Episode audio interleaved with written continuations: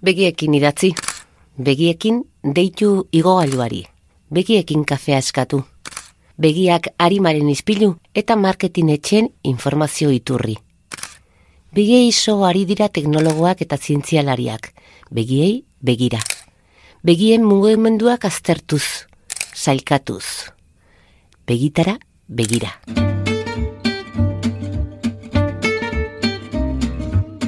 Guri begira dauden begi horiei begiratzera gonbidatzen zaitugu gaur.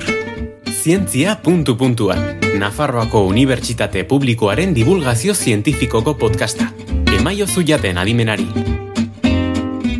Ongi etorri, beste behin hemen gaituzue, zientzia puntu puntuan sukaldatzeko asmotan. Norbaitek esan bazigun duela goi urte begiradarekin mintzatzeko aukera izanen genuela, sinetxiko altzen nuen. Begirada batekin aserrea, poza, maitasuna, amorrua erakutsi dezakegu. Baina, esaldi osoak adierazi? Amabigarren atal honetan teknologia murgilduko gara bete-betean. Aitrakin teknologia zer den jakiteko. Nola eta zer begiratzen dugun neurtzen eta aztertzen duen teknologia, hain zuzen ere. Arantxa Villanueva ingenieritzan doktorea dugu gaur bide lagun. Arantxa Villanueva naiz, hemen iruña jaio nintzen, et, telekomunikazioetan ingenieria eta doktorea naiz, eta eh, hemen unibertsitatean ere irakaslea, ingenieritza elektrika, elektroniko eta komunikazio sailan.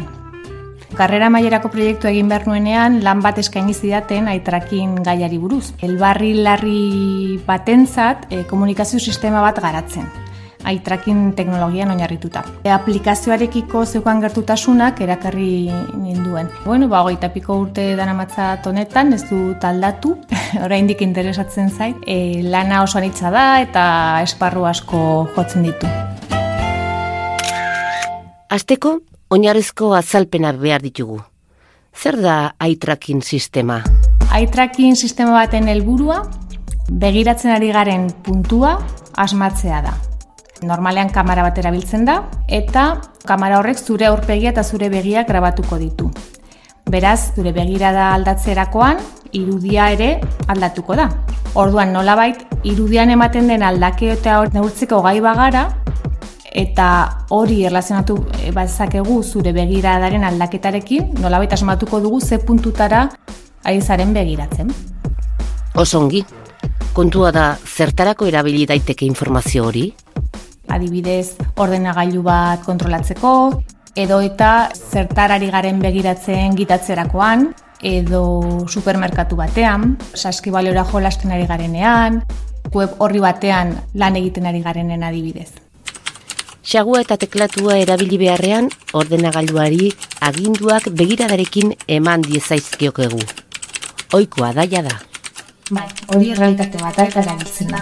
Berez, orain sistema komertzialak eta euskaten aplikazio nagusienetariko bat hori. Elbarretasun handia dokaten pertsonentzat komunikazio tresna bat izatea.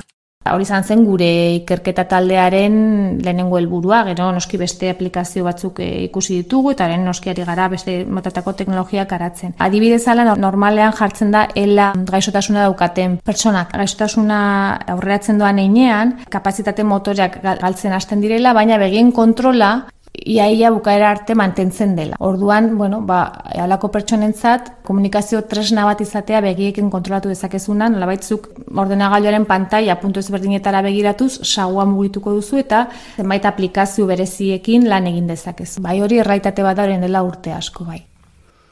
Begien mugimenduaren azterketak aurrera pausu baliotsuak ekarri ditu zenbait gaixotasun diagnostiratzerakoan dislexia kasu. Parkinsona eta Alzheimer bezalako gaixotasunen diagnostiko goiztiarra egiteko ere balio omen du.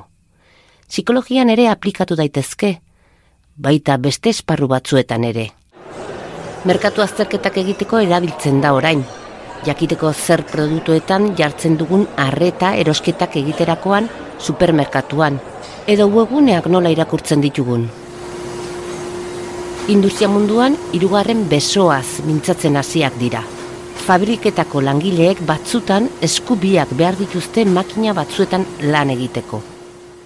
Zirugiak edo ebakuntzak egiten dituzten e, gelatan, ez da dibidez zirujanoak bioskuak okupatutak balin baduzka, hirugarren beso horrekin begiarekin nahi ez beste gailuren bat aktibatzea, ez? Gailu bat aktibatzea edo daturen bat bilatzea eskuak mugitu gabe. Eta horretan ere, ba, aplikazioak ere badaude bai. Ulertu zientziak, ikasi zein diren aurrerapen berrienak. Emaiozu jaten adimenari zientzia puntu puntua. Begiraga estimatzeko ereduak garatzen dituzte. Hmm? Irisa detektatzeko algoritmoak. Zer da hori? Buruaren eta aurpegiaren jarraipenean ikertzen dute. Baita buruaren jarreran ere. Kamara gure aurpegian irudia grabatzen duenean, lehen bar dugun lehenengo gauza da aurpegia detektatu, pentsazazu.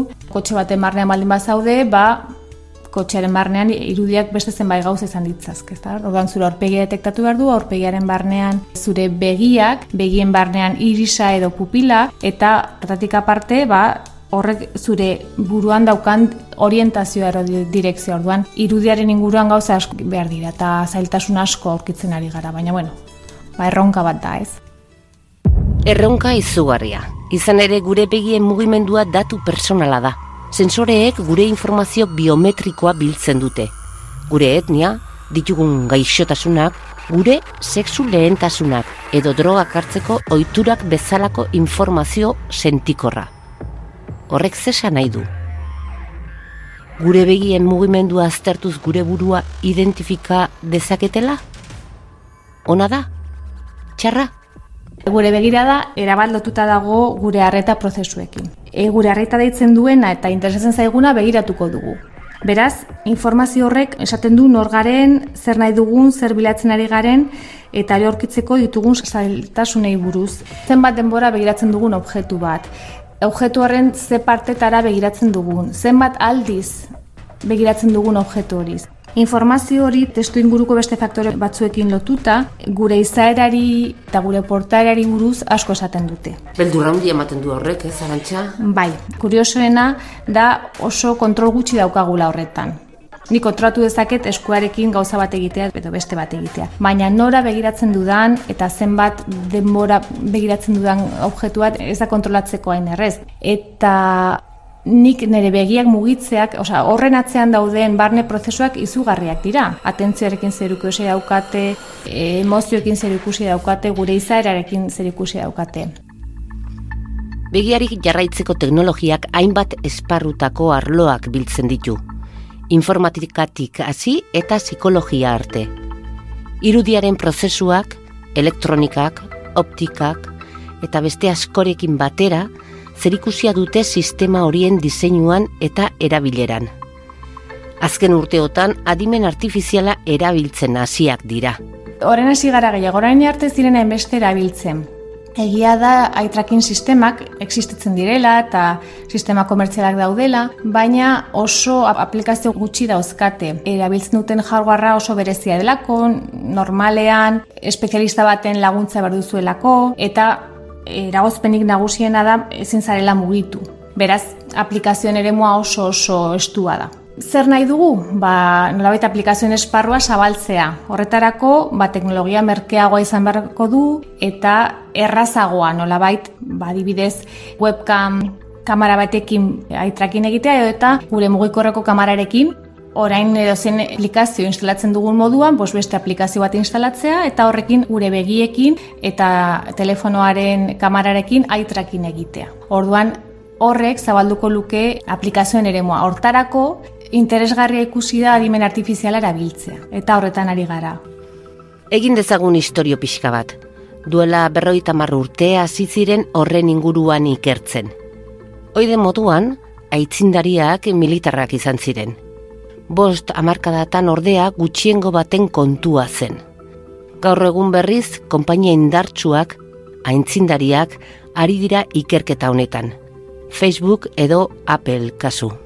Erik gogoratzen dut, nire lehenengo kongresura joan nintzenean, aitrakin inguruko kongresura joan nintzenean, bi mila markadaren hasieran laukatu ginenan, familia bat ginen. Piskanaka, piskanaka, pos gauza, azten joan da, baina oso, oso, oso mantxo. E oso motela izan da teknologiaren garatzea. Batez ere, aplikazioen merkatua oso, oso txikia zelako. Baina ja, nik ustu piskanaka, piskanaka, enpresa teknologiko hondiak, hasi dira honen inguruan interesa jartzen.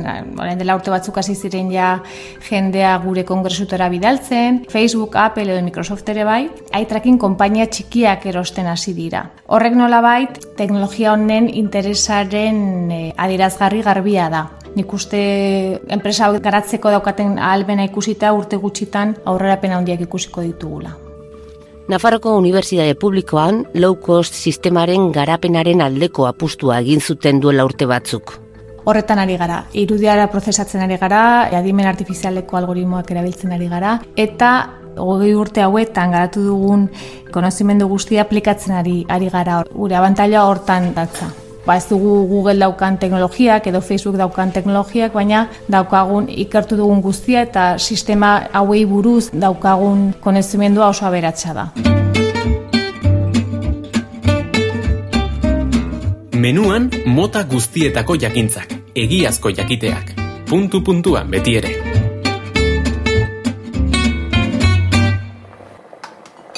Zukaldean sartuko gara orain arantxa bilanueba ingeniariarekin. Zientzia borbor. Teknologia guztiak bezala bere alde honak eta bere alde txarrak ditu begirada jarraitzeko softwareak. Zein da zuretzako alde positiboena? Batez ere, elbarritasuna handia dauzkaten pertsonentzat komunikazio tresna bat garatzea, medikuntzan edo gaixotasunen diagnostikoan daukaten aplikazioak batez ere. Eta beldur gardiena? Gure buruari buruz, ematen dugun informazio kopurua izugarria da eta ona edo txarra denezakit, baina beldurgarria bai. Zin da zuen erronka nagusia? Ba, hola nire ametxetan e, funtzionatzen duen aitrakin sistema merke bat lortzea. Errealista izan da, urrats edo pausu batzuk ematea eta teknologia honi buruz zerbait gehiago jakitea. Igo gailuari begiradaz deituko aldiogu? Bai, nik uste baietz. Posibla izango da. Eta diru atera? Pandemiak erakutsi digun gauzateriko bat da eskuak asko horrabitu baritugula, eta gero eta gauza gutxiago ukitzen baditugu, hobe. Beraz, taktilak ez diren gailuak gero eta gehiago ikusiko ditugu eta horietarako aitrakin erabiltzea pues, soluzio bat zinaitek. Mundua begira da kontrola aldezakegu? Ziur eski bai, ez sagu batekin kontrolatu ba dezakezu begiarekin jo bai. Aitrekin eh, ezkutuan dauden desioak irakurtzen ditu, beldurrak ere bai, bakardadea ere bai? Bai, segur. Barru barruraino sartzen zaigu. Bai, guk pentsatzen dugun baino informazio gehiago ematen dugu. Guk ez dakigun informazio ematen dugu. Den dena izlagatzen duten begiradak eta ezer esaten ez duten begiak aldaude. Begi guztiek esaten dute zerbait. Eta gutxe esaten badut ere informazioa da. Irudi bakarra amaika begiratu? Noski gehiago ere. Bai, fijazio guztiak aztertu dezakegu, zenbat denbora eman duzun puntu bakoitzean, ze patroi egin duzun, zenbat aliz voltatu zaren toki berdinera, bai, noski. Egiten diren ikerketa hauetan normalean pertsonak buru handia izan beruzu konklusio sendoak ondorioztatzeko. Begiak harimaren izpilu aldira? Beti. Pentsazazu, egunean egiten ditugun begien mugimenduak milioi bat baino gehiago direla. Eta daukagon informazio kantitatea izugarria da. Hor zailtasuna da informazio hori itzultzea eta informazio horretatik gure interesi buruz informazio ateratzea, gure izaerari buruz informazio ateratzea, nor garenen buruz informazio ateratzea eta azterketa guzti hori edo hori beste ikerketa arlo zabala da. Guri begira dauden begi horiei begiratzen aritu gara amabigarren atal honetan. Prestatu dugun zientzia salda zuen gustokoa izan delakoan, izan ongi. Zientzia puntu puntuan entzun duzu. Nafarroako Unibertsitate Publikoaren podcasta. Gozatu zientziaz.